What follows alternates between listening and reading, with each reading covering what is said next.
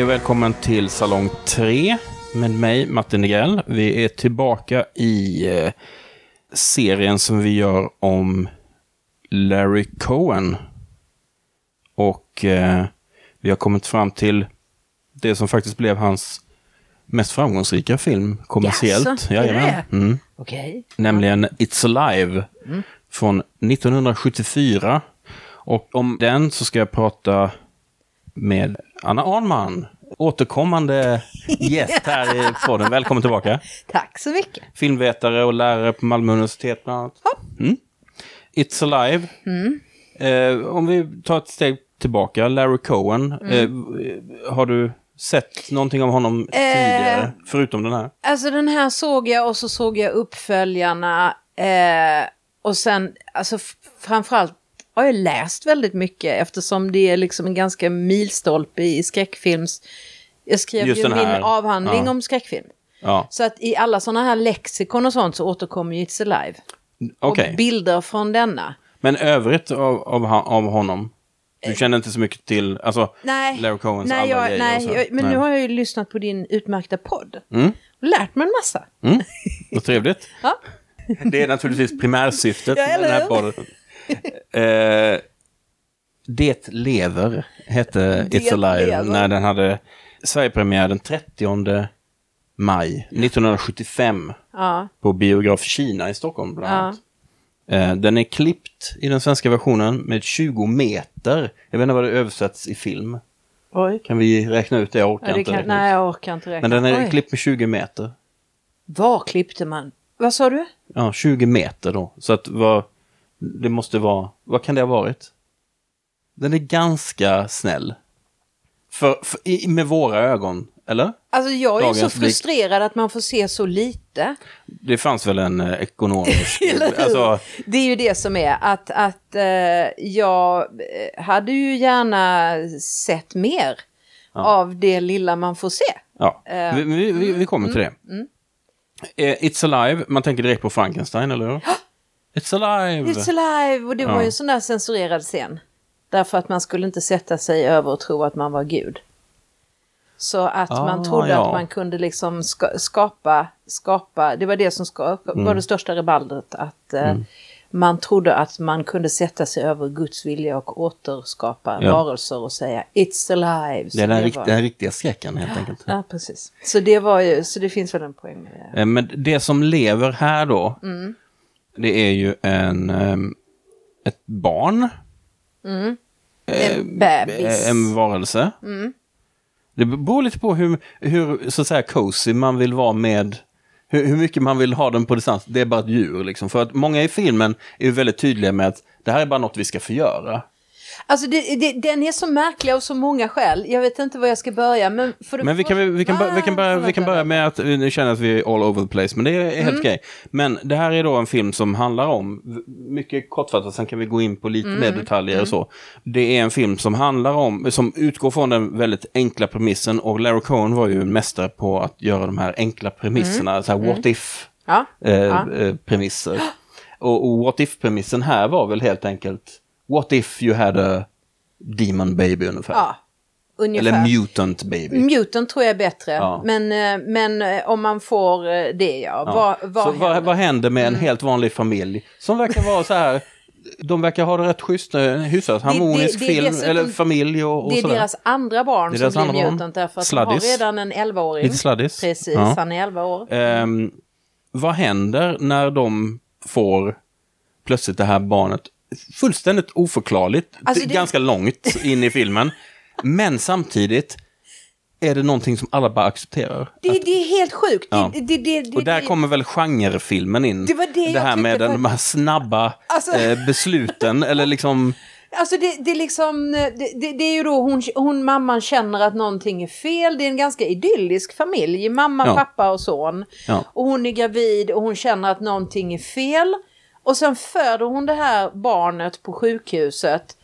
Som är ett, ett, ett, ett mutant som äter upp hela styrkan eller, eller som liksom dödar all förlossningspersonal och totalt. Alltså, försvinner från ja. sjukhuset. Och efteråt är alla så här typ lite chill, det är sånt som händer. Ja, men framförallt är folk väldigt överens om vad som har hänt. Jag tänker att skulle en sån här helt once in a lifetime sak hända, Ja. det vill säga ett helt normalt par kommer in för en förlossning, en helt Ja. vanlig förlossning, allting verkar vara helt okej, hon har haft liksom en helt normal Ja, hon, graviditet. har, hon har aningar om att det inte Hon är som... aningar, men hon, har verkar, aningar. hon verkar ha haft en ganska normal graviditet. Ja. Kommer in och direkt vad som händer när hon föder det här Ja. barnet, eller de, de säger, ja, det, ser lite, det, ser, det är väldigt stort barnet Ja, och det är ett stort gigantiskt, huvud. Ja. Cut to, alla är massakrerade i Alla hela ligger förlossningssalen. slaktade i förlossningssalen. Alltså fem eller sex stycken. Och så blodspår efter Ja. någonting som försvunnit Och ut. därifrån till att alla är helt med på banan vad som har hänt, Ja. vad som behöver Ja. göras nu, Ja. vad vi ska göra, hur vi ska tänka. Kanske sådär, två minuter, Ja. så vet alla. Samma kväll. Och alla har accepterat. Och, och just det här att det som borde vara för sjukhuspersonalen, för polisen, inte minst för familjen, Nej. ett så här Trauma. ett livsförändrande trauma. det blir istället till så här. Okej, det är tydligen ett monster. Ett monster! Ja. Det här utspelar sig i verkligheten också, får vi säga. Det här är ett monster och det, har, det är Och modiskt. pappan åker hem på kvällen sådär, borstar tänderna. Folk tar det ganska chill, som du säger. De är chill. Ja. Och han borstar tänderna och tycker bara, det var Och sjukhuspersonalen jobb, jobbig dag idag. Alla kollegor mördade, sönderslitna i stycken. Bara okej, men eh, Ja. då, får vi eh, Ja. kalla hit de andra då och eh, Ja. vi... Och de är inte heller så benägna att leta efter det. Nej. Alltså det är inte så att de, alla patruller ut så, det är lite så, går med lite ficklampor i buskarna och tittar lite här och där men säger att typ, ja det brukar vara svårlöst sådana här fall. Okej. Men den sätter tonen väldigt, och menar bokstavligen Ja. tonen, redan i, i, i liksom inledningen. Bernard Herrmann gör musiken, vilket Mm. Ja. jag, det är ju prestige. Liksom. Enormt. Och, och hans musik tycker jag också, eh, i kombination med den här väldigt så matter of fact, eh, Ja. vi behöver inte analysera vad som har hänt, vi alla vet vad som har hänt Ja. och vi, nu bara kör vi på detta, alla är Ja. på samma spår, okej, bra, go. Ja. Eh, påminner mig väldigt mycket om en typ av så här lågbudget sci-fi skräckfilmer från 50-talet. Som kombinerar så här vetenskap, mycket så här forskare. Ja, och detta är ju just de... För att, eh, alltså det blir ju på något sätt spännande när det är såna här... För att det där lilla, lilla de säger eh, blir ju väldigt mycket. Jag tänkte det var såna där repliker liksom. Där eh, eh, männen står i rummet vid förlossningen. Andra pappor, vad var det de sa? De sa någonting spännande, jag ska se om jag hittar. De, de här Men- papporna i Eh, väntrummet. pa- Det står några pappor i väntrummet som väntar på att eh, eh, barnen ska födas och de diskuterar hur det är att bli pappor liksom. Och då är det någon av dem, det han säger? It's wise to dissociate yourself emotionally. Det, det var också den, den tidens eh, pappasyn på något Precis. sätt också. Precis. Och Vi tar ett parti poker istället. ja, alltså sammanfattningsvis så ham- handlar det ju om fadersroll. Alltså någonstans är det, Ja. ju, ju, mer man tänker på den, desto mer spännande blir den tycker jag. Jag tyckte inte den var jätterolig att se. Alltså faktiskt på det sättet jag tyckte den var lite seg. Jag hade velat se det här monstret mer. Men när jag tänker på vad den faktiskt handlar om och vilken tid den är gjord i så tycker jag att den är väldigt spännande faktiskt. Och det är väl där också då som det här med genrefilm och skräckfilm Mm. och sånt kommer in. För att som vi har pratat om många gånger förr så är ju den här typen av film är så tacksam och, och rolig att eh, applicera olika tolkningar på. Och liksom Ja. så här, vad säger den om X? Vad Ja. säger den om samtiden? Ja. Vad säger den om könsroller? Vad säger den om familjen? Precis. Eh, det, man, det är väldigt lätt att lägga olika raster på det för att den är ganska okomplicerad. För att vad den har då i likhet med de här 50-talsfilmerna som jag menade, Mm. pratade om innan. Det är just det här också att det är fullt av, vad ska vi säga, logiska luckor, konstiga, Mm. Ja, jättemycket. sånt. psykologiskt Ja. icke alls trovärdigt på något sätt Ja. och sådär. Och så här, skulle det verkligen gå till så här? Skulle verkligen, när han är på väg, när pappan är på väg efter då någon timme eller så bara, Mm. på väg hem från sjukhuset, borde vara totalt uppriven. Ja. Eh, lyssna på radion. Radion namnger honom och hans fru Ja. och säger Police still offer no explanation for the series of five deaths which occurred early today at the St. George Medical Center in Santa Monica.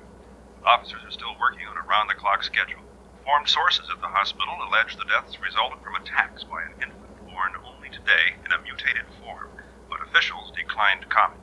The station has acquired exclusive information naming Mr. and Mrs. Frank Davis of West Los Angeles as the parents of the infant in question. Som om det vore fakta. Ja. Ja, enligt uppgifter till oss så är det ett litet monster som har Ja, mördat Man- vet. vet, Som att Och det, det vore så- någonting som är så här, Ja. ja, det, jo, men det är så vi Ja. rapporterar Nej, nyheterna. Men, men det, det, man, man får ju släppa det, men sen börjar man ju tänka just så här att då börjar man, han blir jätteupprörd nämligen, de säger they named us. Mm. They named us, säger han om och om igen. Därför att han vill inte ha med det här barnet att göra. Han är väldigt noga med, det är Precis. inte dina blodsband och det är det enda han säger till brorsan Ja. när han kommer då, eller det- när pojken de redan har. Det är inte dina blodsband. Det är inte, dina, det är inte släkt med oss. Det är inte från oss. Det Nej. är inte vår avkomma. Han, han skäms mer nästan Ja. över det än att, Ja. så här, än att sörja att det faktiskt har Det är en helt dött, dött en massa besatthet människor. av att detta inte är vårt. Vilket ju å andra sidan då gör att slutet, om man, alltså där kommer ju faderskänslorna. Mm. Att man kan inte Precis. dissociate Nej. yourself from, utan han får faderskänslor. Precis, så, så vad vi kan säga då är, är att det här eh, barnet, eller varelsen, eller vad vi nu vill välja att kalla det, Mm. flyr ju då först genom ventilationstrummor och så vidare och sen så dyker upp vid lite olika tillfällen och Mm. mördar folk eller dödar folk. Men sen så tycks det också vara ganska så på olika sätt så här när det passar filmskaparna Mm.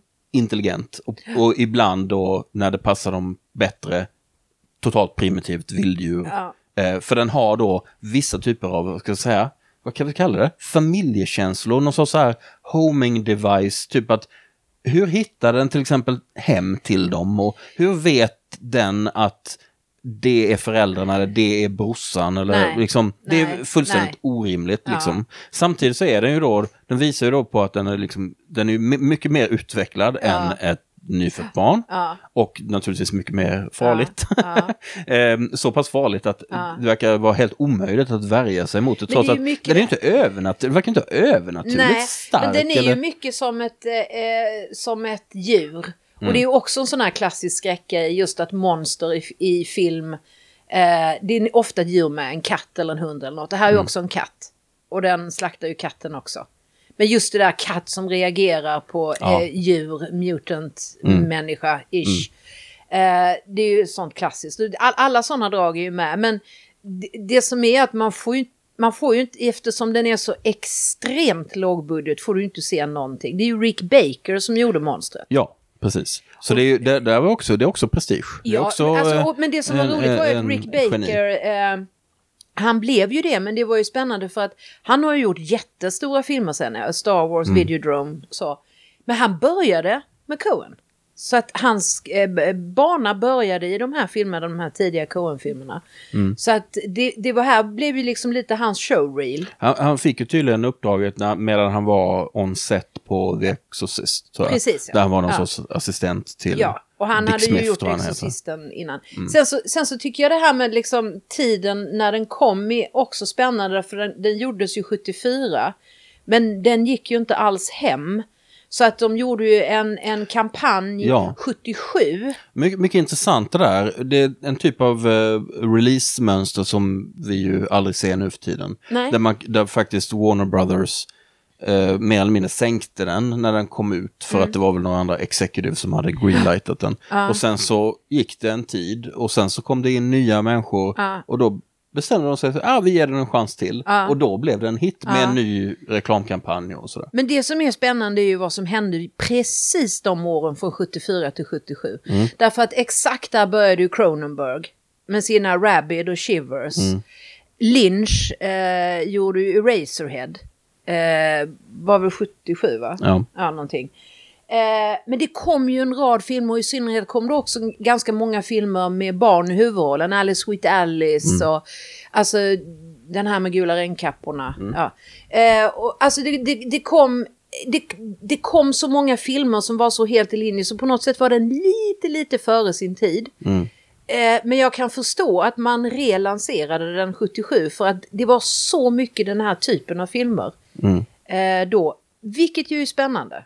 Jag tyckte också det var intressant att, eh, om vi nu pratar samtid och var den placerar sig och sådär, att de, nu minns jag inte exakt eh, kontexten, men de, vid något tillfälle så pratas det om abort. Mm, ja, Och det, och det pratas om eh, väldigt oproblematiskt. Och, och det här var ju då, då kom den året efter Roe v. Wade. ja, ja. Så då var liksom abort helt, Precis. det är okej liksom. Men sen är det Den ju utspelar väldigt sig i, mycket... i Kalifornien så att det är ju Ja. redan liberalt. Men, men det, de pratar om det Men utifrån väldigt så här, icke-kontroversiella... Ja, och den handlar ju mycket, alltså för att det man tänker just när man det här med Mutant Babies och Mm. den tiden. Det är ju just, eh, dels kom ju p-pillret, 60 väl, tror jag någon gång. Så att hela den här familjedynamiken hade ju förändrats och ideal, kärnfamiljsidealet hade också förändrats. Skilsmässor, kvinnors frigörelse, Mm. hela detta. Eh, och kvinnor har ett val. Eh, och sen så också hela medicin, vilket de faktiskt ut, uttalar i filmen, medicinindustrikritik. Ja. De frågar henne, eh, åt du p-piller innan du bestämde dig för att bli gravid? Det är väl det närmaste vi kommer någon sorts förklaring till Ja. varför det här barnet är som det Ja. är. Att det är typ Big Pharma som har Ja. eh, fuckat upp något Precis. läkemedel. För att den slutar ju med en sån oemotståndlig cliffhanger att så här, det har fötts ett annat barn i Seattle som är likadant. Ja. Och så bara kan man föreställa sig, och herregud, hur många som har Ja. tagit den här medicinen Och de som nu kommer att föda massa monsterbarn. Precis, de frågar henne och jag menar det var ju också alla de här Neurosedyn och allt Ja. de som man liksom eh, gav där man just fick eh, missbildade barn och liksom allt trauma med det. Så det ligger i linje i en så spännande Exakt. tid.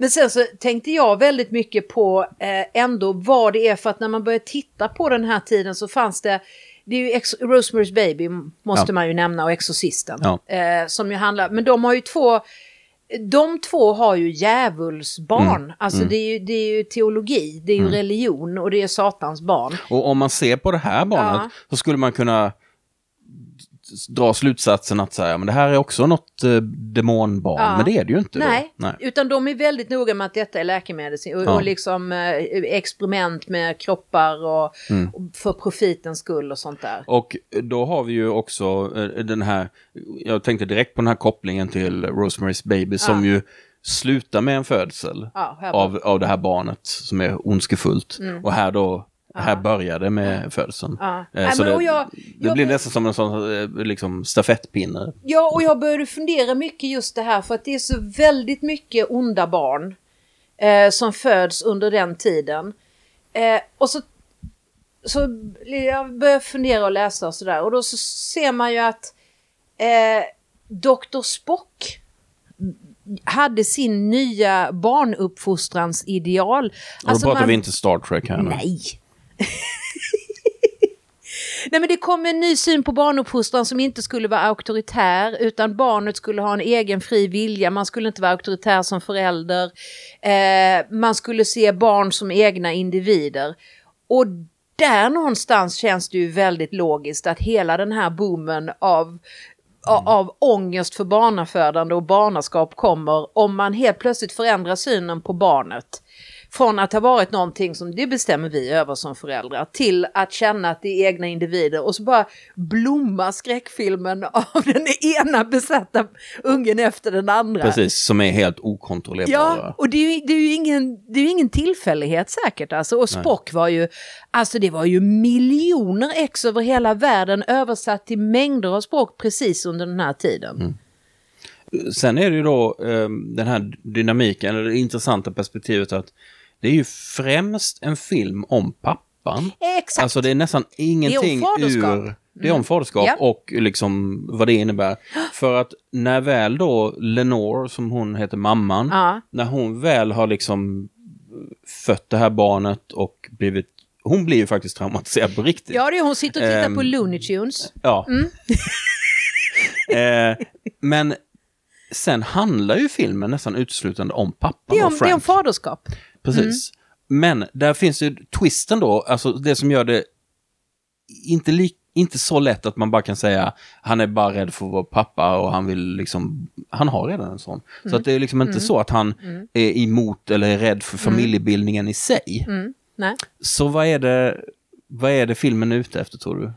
Alltså jag, jag tror ju att hela den här tidens tand har varit hur man börjar se och, och, och- och just också att det var en trend i andra filmer som började med detta.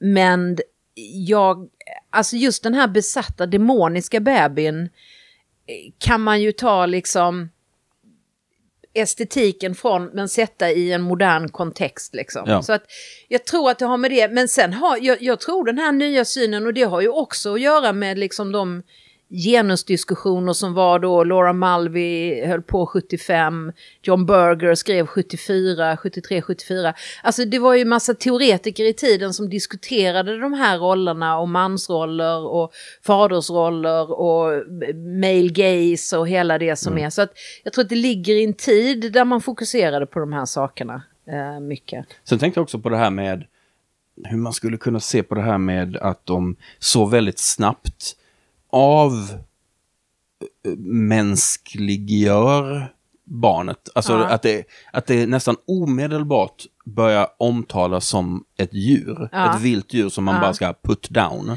Det tycker jag också är intressant. Hur man inte, för jag menar, det går också helt på tvärs mot vad vi tänker när vi tänker på ett nyfött barn. Vi tänker på något oskyldigt, något som vi måste skydda, något som är helt utlämnat till Mm. vind och våg så att säga. Men har Eh, du då en ny syn lite ändå ja. på att barn har en ny roll Har en agens, ny, liksom, eller hur? direkt. Så blir det, så blir det någonting annat, då är det en aktiv eh, individ på det sättet. Sen så kan man ju inte låta bli, känner jag, jag tänker det här med fadersrollen, att eh, han själv, Cohen, fick ju barn i, lite innan det här och blev själv pappa.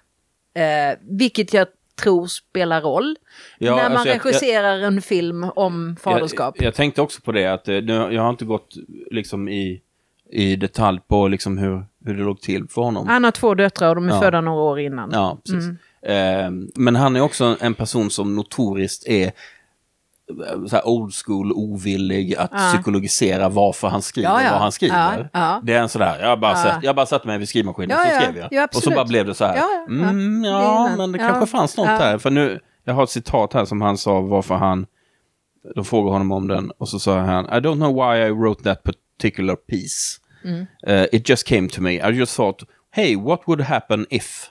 Mm. Han ser det som ett eh, så här, mänskligt drama om en familj som går i bitar. Kärnfamiljen Ja. som splittras, ja. Ja. Mm.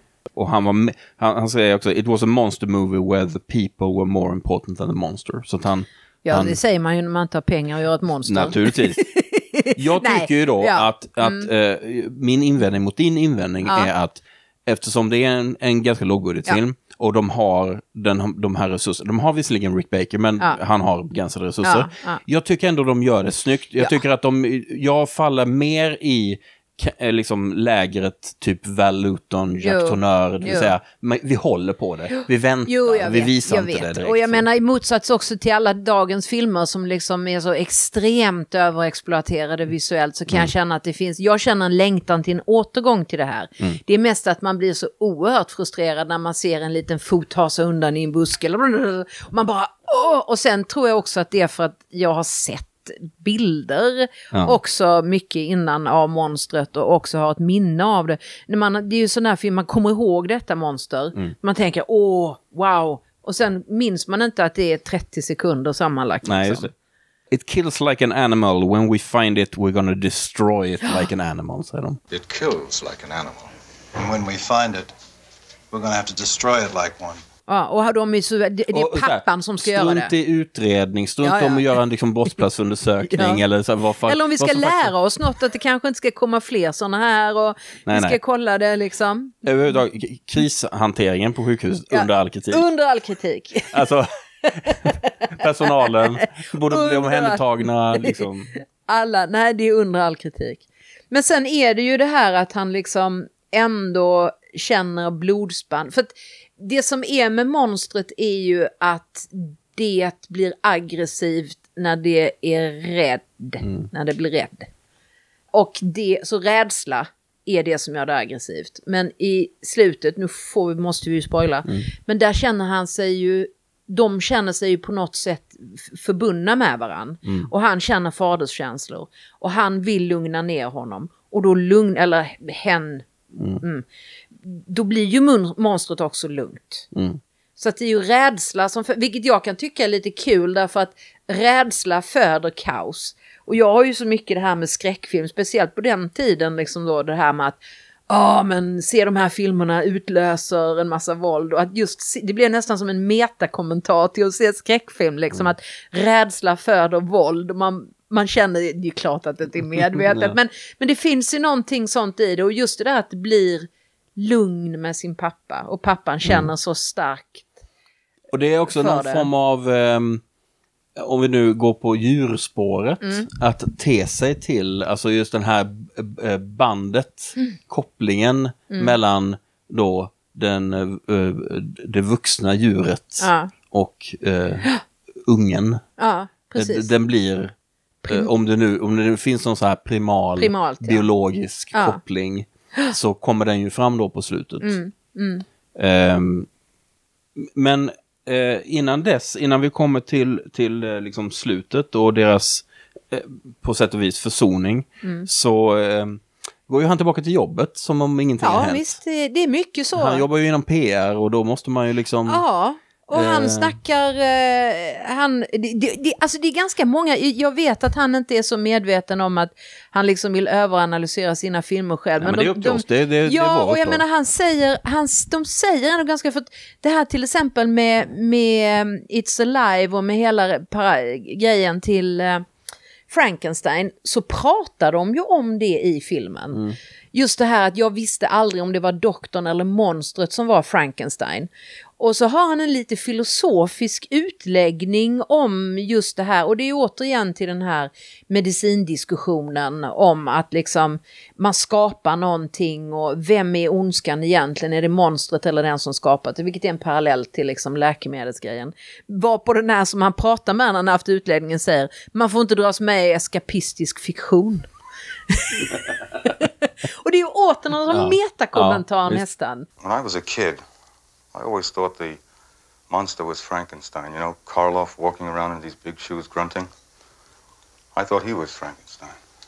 Then I went to high school and I read the book, and I realized that Frankenstein was the doctor who created him. Somehow the identities get all mixed up, don't they? One must not allow oneself to be impressed by escapist fiction. Snacka om eskapism, Mm. alltså det här är ju en absurd film på ett sätt liksom. Man får inte Många dra så. med i eskapistisk fiktion. Hans chef säger i alla fall till honom så här, ah, these things happen. Eller, Men sen gör han ju också en helomvändning samtidigt och typ ger honom sparken. ja, eller För, för, eller för att han inser ja. att ja, sånt här händer ju. Det, är liksom, Ja. det har väl hänt oss alla ungefär. Men eh, vår firma, det, det är inte så bra för oss om du är här. Nej, jag vet. Så att, ja. Jag tycker det, men, men det är ju lite beklämmande ändå. Mamman blir ju liksom vansinnig på riktigt. ja, hon blir ju, hon Och- blir ju riktigt, eh, hon blir ju så traumatiserad som man skulle föreställa sig att alla egentligen borde bli. Ja, hon är ju den mest realistiska av dem, men hon reduceras ju ganska mycket i berättandet. Det är ju han. Mm. Till det, ja. Ja, hon är det. Hon, hon är liksom, och inte mer, och hon är ju med väldigt lite jämfört med honom som röker och kör bil och... Alltså, hade man, nu, nu vet jag ju att det nog inte är så, för att Cohen är inte direkt känd för att ha den här liksom, han är inte känd för, dels för, eh, är han inte känd för eh, starka kvinnoroller, men, men också är han som sagt old school. Men man skulle kunna, om det hade, om den här Frank då, pappan, hade liksom skruvats lite mer, då hade det kunnat också bli en sån här någon sorts kritik mot den här stoiske mannen som bara biter ihop, knyter näven i fickan och sen går till jobbet, kör sin bil, röker, ställer ut mjölken på morgonen eller plockar in den. Ja, men du vet så. Det- Alltså det finns nästan, äh, med, med vår tidsblick på det, så skulle man nästan kunna läsa in, men jag är helt övertygad om att det var ingenting som föreställde Nej, nej jag, för det är ju det man tänker på, man blir oerhört frustrerad av honom och hans sammanbitna sätt alltså. Och det är ju det som jag kunde tycka att det är lite segt. Alltså det är ju outhärdligt att se hur han just kör runt i bilen och röker och är hela det. Men sen det är klart att det blir rätt effektfullt på slutet när han öppnar upp känslomässigt Mm. faktiskt.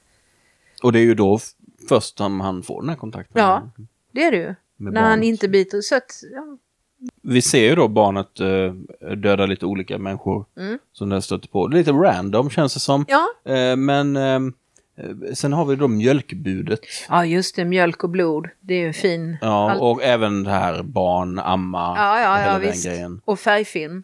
Det Ja. blir ju snyggt i färg. Ja. Men lite, lite kan man känna för att jag kunde ju ändå tycka, just, men det är också för att det är en lågbudget, att ibland, nu blev monstret jättefint, men det är ju, det som fascinerar mig är just att man använder filmmediet ändå för den här typen av berättelser. Därför att det skulle kunna gå, fungera litterärt som en bok. Att du läser om det. För att i och med att man inte visar så, så, så mycket så, så är det ju ändå den här kärleken av att berätta den här i film. Med antydningar och med vissa små nyckelsekvenser. Alltså, så, så att det finns ju någon sorts kärlek i filmberättandet där man nästan känner att det ibland kommer först. Eh, och sen fyller man lite storyn med det. Men just den här bara bilden av blod och mjölk. Ja, jag måste ha med det i en Ja. film liksom. Hur kan jag ha mjölkbud? Ja, ja, ja, så. Och vid något tillfälle så är det väl också så att det, det antyds ganska starkt att det här barnet, när den väl kommer in i huset, Mm. dricker upp all deras mjölk. För de har ju, Ja. om det är en daglig leverans, vilket känns helt galet så här. Ja. Det kommer mjölkbud varje dag med, vadå, sex liter mjölk. Ja, ja, Och på den tiden man drack så mycket mjölk. ja. Ja, Ehm, Men det är ju nursery. Eh, Just det. ja precis.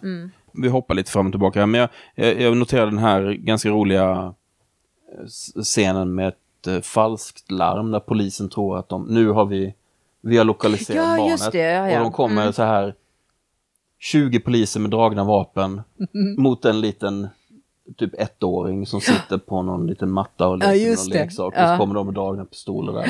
Det är också en sån scen som jag så tror att man skulle göra idag. Men det är ju också sånt man antyder och man vet inte och vi som filmtittare bara "Åh, men det här är mörkt och, det är, och där rörde du sig. Och, alltså klassiskt. eh, Och också det att de inte omedelbart säger oj, här har vi gjort ett misstag. Nej. Utan Nej, det är nej, så här, visst. Vi vet ju inte, den, det här barnet Ja. kanske plötsligt kommer att attackera oss. Ja, Så ja. därför har vi dragna pistoler. Eh, Sen också det här roliga att eh, de kommer då från, det väl sjukhuset va? Som kommer till Frank och säger eh, Ja, alltså eh, det här är ju bara rutin sådär, men alltså när vi fångar det här barnet eller dödar det så ja, vi kommer ju vilja experimentera Ja, på det och, och sådär. det, Och det är ja. väl okej va? Ja. Det är bara signera här. Ja. Obs, mamman behöver inte skriva under Nej, någonting för att nej. det räcker ju med att Nej. du gör det. Men det är ju en väldigt eh, cynisk syn just på sjukvård och hela Ja, oh läkemedels och hela eh, det som var. Och det är ju precis, det är en tid där de här sakerna exploderar av Mm. olika saker. Så som man liksom drar det tre varv extra och gör en skräckfilm om det. Ja, överhuvudtaget så känns det som att det är, man kan inte lita på nästan någon som har på sig en uh, läkarrock eller för den Nej. delen en sjuksköterskeuniform. För att det är ju en sjuksköterska som är och vårdar den här Ja, mamman det. i hemmet som visar sig vara typ så här skvallerjournalist. Som har, en, som har en kamera i, under duken vid maten och filmar. Och också bara så här bara, oj då, okej. Som gå inte skäms alls, Ja, utan- bara, nej, bara... nej, det är en väldig misstro mot uh, uh, sjukvårdsinstanser. Sen har vi ju då polisen, jag vet inte hur riktigt polisen får nys om det här, men de får ju då nys om att vet, någon har sett det här barnet på Ja. olika ställen, så drar de dit då. Eh, bland annat till en skola. Mm, just det, Där ja. de gör en stor raid. Då. Eh, Det är ganska snyggt så här. Ja. Det, kom, det är på natten och man ser alla de här polisbilarna köra fram på, på skolgården med liksom blinkande ljus. Det, just det. Det, det. Så småningom hittar ju den här barnet till familjens, Mm. alltså det är nästan som att den, om vi nu ska pr- prata så här djurtermer, att han Mm. återvänder till sitt eh, bo eller revir eller hur man nu ska uttrycka Mm. Men det. det är Det, det där man hör hemma. Liksom. Ja, alltså instinkter, Ja. djuriska instinkter som drar Precis. den dit. Ja. Och så ställer man sig frågan, så, men hur kan han veta vem hans bror är? Och så, ja, okej. Ja. Men då finns det något sådär animaliskt, liksom primalt. Sådär. Ehm, och vid det laget så är ju då eh, mamman lite så här Hon Ding, sitter- ding dong. Ja, hon, Hon, sitter hon sitter typ och kollar på Wiley Coyote och Roadrunner. Ja, precis. Det, är- det är Ehm. liksom bara sitter och kollar på det. Ja. Ja. Men det är ju också, det är ju både från fött det här barnet, men de, de, hon får ju inte träffa sin son. Alltså, Nej, för det- sonen är ju också bortskickad. Ja, han är bortskickad under hela tiden och det enda hon säger Hos är en att eh, Chris... kompis till familjen. Ja, Mm. hon vill ha Chris, hon vill ha Chris, alltså sin son, men de förvägrar henne det.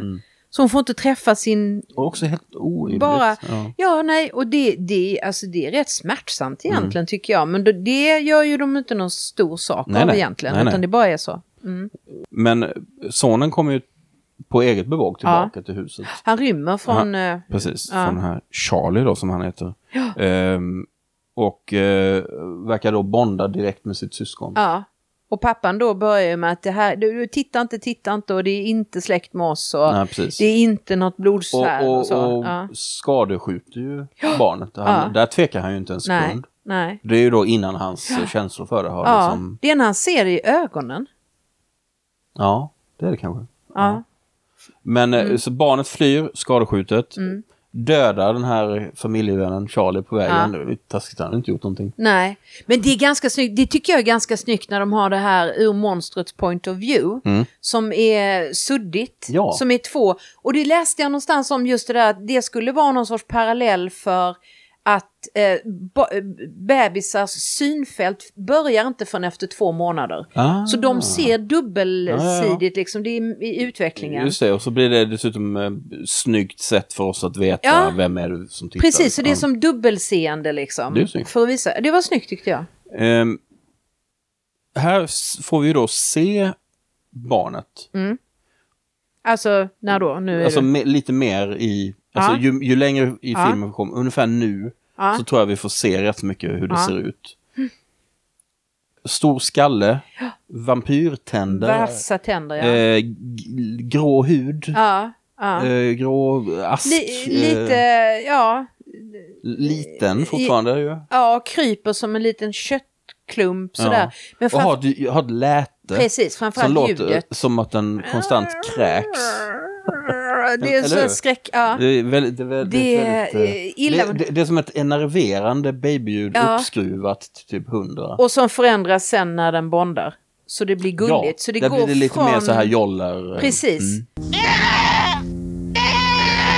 Så från att ha varit alltså, som ett hotat djur i, Mm. trängd i en hörna så övergår det till ett, ett liksom sökande barnjoller. Det, är väl, det är snyggt. Mm. Det är väldigt Och snyggt. det funkar ju på Frank. Funkar jättebra. Ehm, och till slut så hamnar vi då i de här kulverterna, liksom avloppstunnlarna liksom under. Det var det jag undrar, varför kör man med blåljus? Var? In, i de tunnlarna? Ja, Ja, för blåljus är ju för att liksom markera, här kommer jag Här flytta kommer er. vi. Men i Mm. en kulvert? Ja, nej det, det är lite så. Det- Det, det såg lite- väl snyggt ut och de, hade väl, de fick ut, väl ja. plats med en bil där. Ja, jo, det Eh, för de. de kör ju den här i, i den eh, konstant torrlagda LA River. Ja, just där, det. Det är också snyggt. Så det är ju eh, de där kanterna väldigt som är. utnyttjat i, i filmen Ja. naturligtvis. Den där. Så det är Eh, kanterna, men sen är det, är det nere i kulverterna Sen är det nere också. i kulverterna. Eller kloakerna. Dit de, dit de spårar då eh, barnet. Eh, Frank blir ju också utrustad med ett gevär Ja. av polisen. De typ gör, gör honom till så här, deputy eller någonting. Ja, ja verkligen, verkligen bara rakt av. Han fick världens största.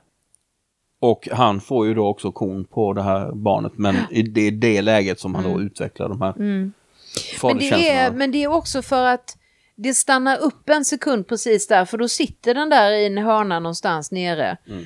Och så börjar de väl känna ett band och så börjar han väl känna att om han lugnar ner sig och får det att känna sig tryggt så förändras lätet. Mm. Och så förändras hela deras dynamik liksom. Så att de Och detta är då lagom till att liksom polisen omringar dem såklart. Ja, far och så. Eh, och där har vi ju liksom ett... På något sätt kände man att det skulle leda fram till Ja. det här. Ja. Och, men polisen är ju otroligt... Eh, de är ju väldigt pigga på att ta död på det här barnet. Ja, och då så har de ö, i slutscenen där ju har, de, har ju mamman också kommit ut. Hon är ju väl med i slutscenen. Med? Ja, Ja, och är alldeles förtvivlad och ser på när de skjuter. That son of a bitch dies here and now! Men då har ju Frank fått den här omvändelsen och säger att Ja.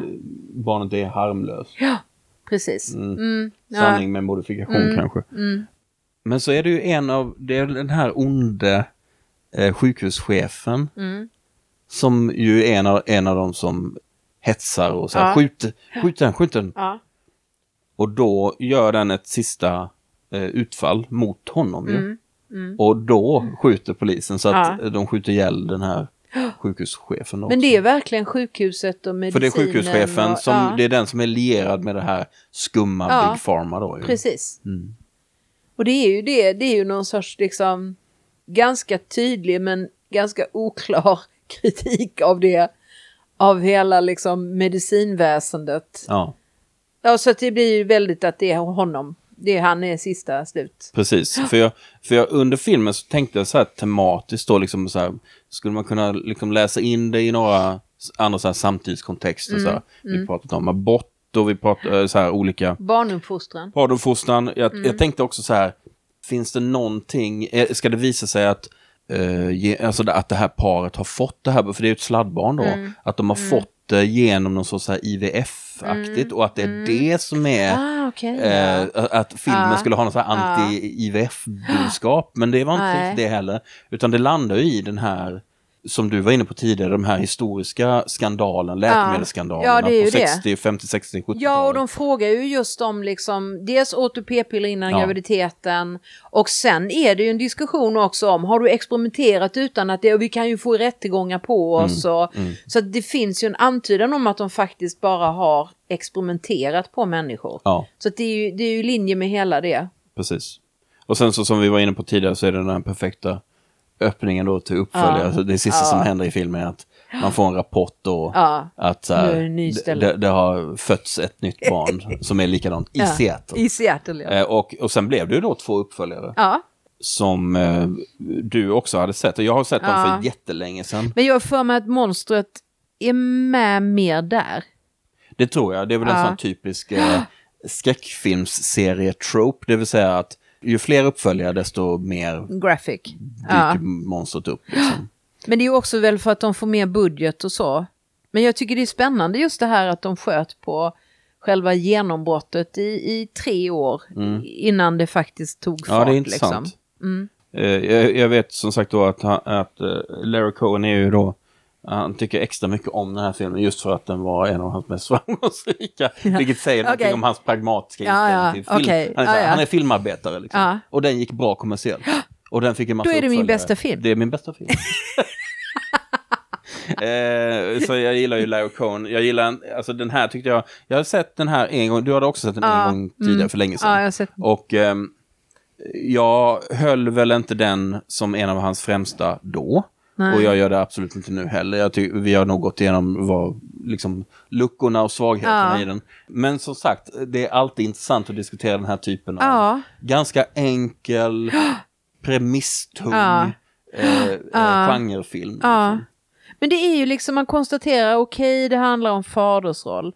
Okej, det handlar om medicinkritik. Vad beror det på då? Så får Mm. man börja titta och liksom fundera över det och så börjar man helt plötsligt se att det kom massor med filmer under den här tiden. Och, Mm. Ja, det var jättekul Och- att du nämnde alla de här som kom liksom under vad ska jag säga, mitten av 70-talet. Ja, precis någonstans.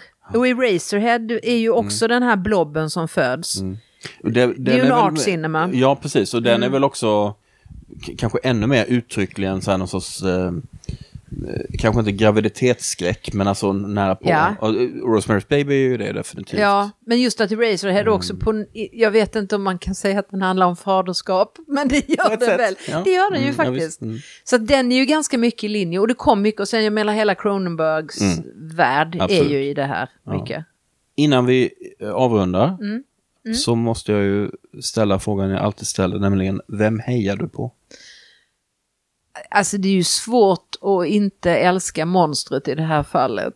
Det är ju jättegulligt när det väl eh, när det väl eh, visar sig och när man väl, ja, jag, jag tycker, och det är ju också, alltså för det finns ju en Frankenstein-parallell, Mm. eh, just att det är hemskt och det är skrämmande och det dödar men och, kanske och gör alla det försvar. efter det. Och, alla är ute alla efter det. det. och- kanske missförstått. Ja, jag, jag tänker alltid på det avsnittet i Simpson när Homer Simpson ser Frankenstein. Nej, Nej, han säger King Kongen i och för sig. Säger han, only because he was different. Mm. Säger Homer Simpson. Och det är lite så här också. Så att, nej, jag hejar på monstret. Ja.